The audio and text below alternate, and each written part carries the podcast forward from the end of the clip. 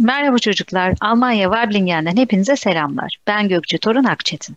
Ve ben İpek Banu Kılar. İstanbul'dan hepinize sevgi ve selamlar. Yeni takip edenler için ne yaptığımızı özetlersek, geçen yayındaki gibi bu yayında da bir kelime seçeceğiz ve seçtiğimiz bu kelimeyle yolculuğa çıkacağız. Kelimenin bizde çağrıştırdıkları üzerine konuşurken başka kelimeleri, ilgili öyküleri anlatacağız. Hayal ettiğimiz yolculuk bu şekilde. Bu haftanın kelimesi sekte. Sekte kelimesini genellikle sekteye uğramak ya da sekteye uğratmak terimiyle kullanırız. Sekte olmakta olan bir şeyin birdenbire durarak kesilmesi anlamına gelmekte. Mesela hızımı almış çalışıyordum birden elektrikler kesildi. Bütün iş sekteye uğradı. Ya da derse geç gelerek dersi sekteye uğrattın gibi. Yani bir olay, bir iş var ortada, ders çalışmak ya da iş yapmak gibi. Fakat bir sebepten dolayı o iş bir anda duruyor ya da yapılamıyor. Elektriklerin kesilip çalışmasının çalışmanın durması gibi ya da derse geç kaldığı için dersin yapılamaması gibi. Bir de sektelemek kelimesi var. Sekte kelimesinden türemiş. Tökezlemek anlamında. Yani yürürken bir engelle karşılaşıyorsun ve kısa bir an yürüme eylemini gerçekleştiremiyorsun.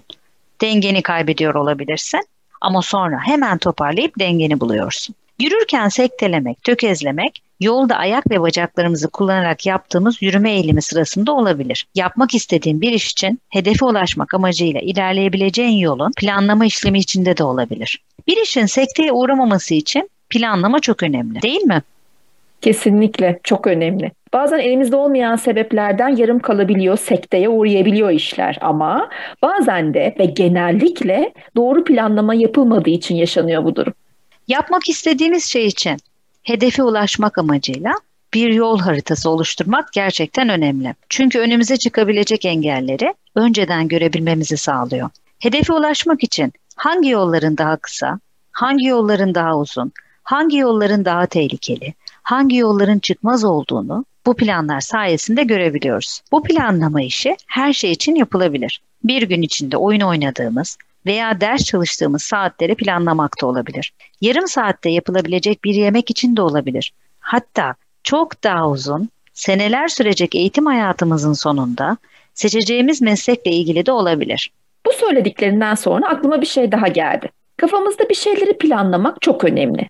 Ama yaptığımız bu planı yazarsak sanki işimizi daha da kolaylaştırıyoruz gibi geldi. Mesela yemek yapacağımız zaman yemeğin malzemelerini yazarsak evde hangi malzemelerin olduğunu atlamadan daha iyi görebiliriz. Ya da yemek yapmak gibi meslek seçmek de öyle aslında. Aldığımız eğitimler ve becerilerimizi yazarak yeteneklerimizi fark edebiliriz. Bunu şundan söylüyorum. E, hepimiz kendimizi bilmiyor muyuz? Tabii ki biliyoruz. Ama bazen bildiklerimiz o uçsuz bucaksız beynimizin içinde kaybolabiliyor. Yazmak kaybettiklerimizi bulmak için süper bir araç. O yüzden ben yazmayı çok faydalı buluyorum. Bazen sıkıntılarımızı yazmak, bazen mutlulukları yazmak, bazen yeteneklerimizi yazmak, unuttuklarımızı ortaya çıkarmak adına çok iyi olabiliyor. Böylece bir işin neden sekteye uğradığının sorusunun cevabını çarçabuk bulabiliyoruz.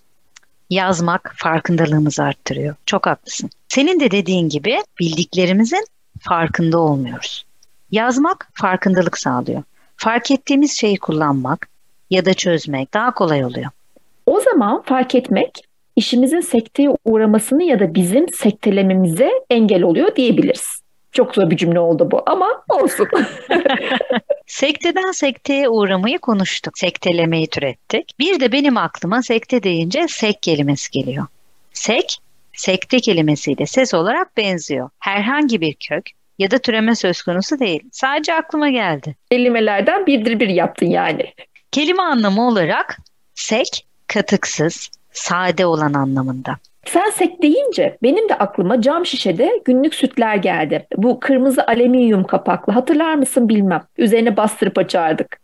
Evet hatırlıyorum. Bizim evde de onlardan alınırdı. Hatta akşamdan boş şişeleri kapının önüne bırakırdık. Apartman görevlisi gazete ve ekmekli bu şişelerle süt bırakırdı. Bir de aklıma seksek oyunu geldi. Daha önceki yayınlarımızda oyun kelimesi üzerine konuşurken bahsetmiştik aslında bu oyundan. Ama ben yine de seksek oyununun nasıl oynandığını kısaca anlatayım. Çok eski dönemlerde bile oynanan bir oyunmuş seksek. Yere tebeşirle birbirini izleyen daireler ya da kareler çizerek bir parkur oluşturuyorsun. Aynı treni oluşturan vagonlar gibi ardarda arda çiziliyor daireler ya da kareler ve bunlara numaralar veriyorsun. 1, 2, 3, 4, 5 artık kaç tane çizdiysen. Sonra birinci şekilden son şekle kadar tek ayağının üstünde seke seke zıplaya zıplaya ve çizgilere basmadan parkuru tamamlamaya çalışıyorsun. İsmi de buradan gelmiş zaten.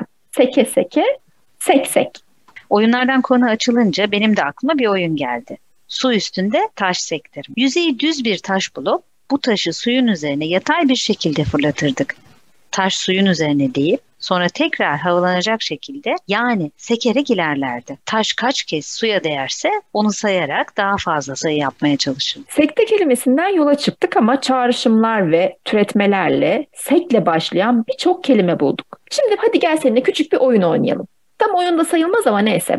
Sek sözcüğüyle başlayan kaç kelime sayabilirsin? Bir düşüneyim. Hmm, seksek, seksen, sektirme. Bilmem başka aklıma gelmedi. Ben kopya çektim. Bu yayın öncesinde ve bir liste yaptım. Şimdi sana o listeden kelimeler okuyacağım.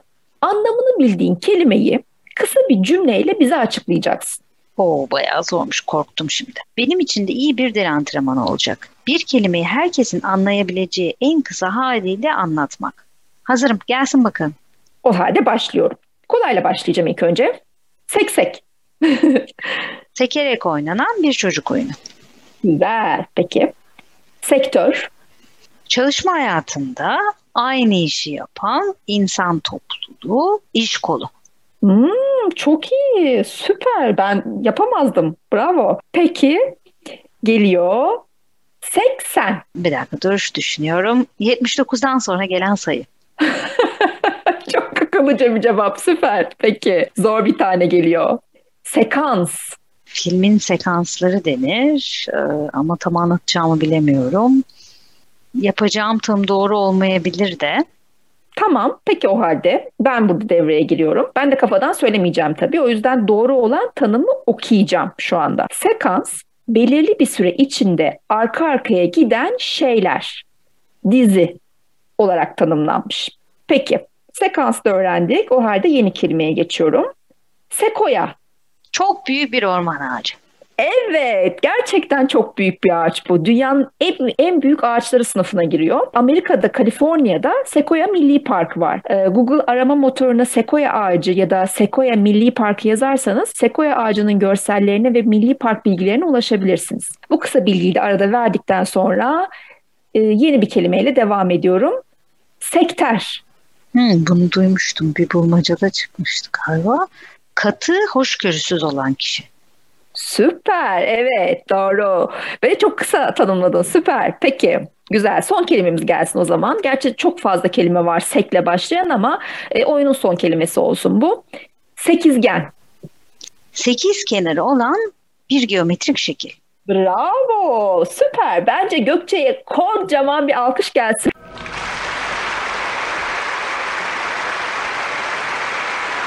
Süremizin sonuna geldik pek. Gelecek yayının kelimesi ne olacak? Gelecek yayının kelimesi papara. O zaman bir sonraki yayında görüşmek üzere. Ben Gökçe. Ben İpek. Hoşçakalın. Hoşçakalın.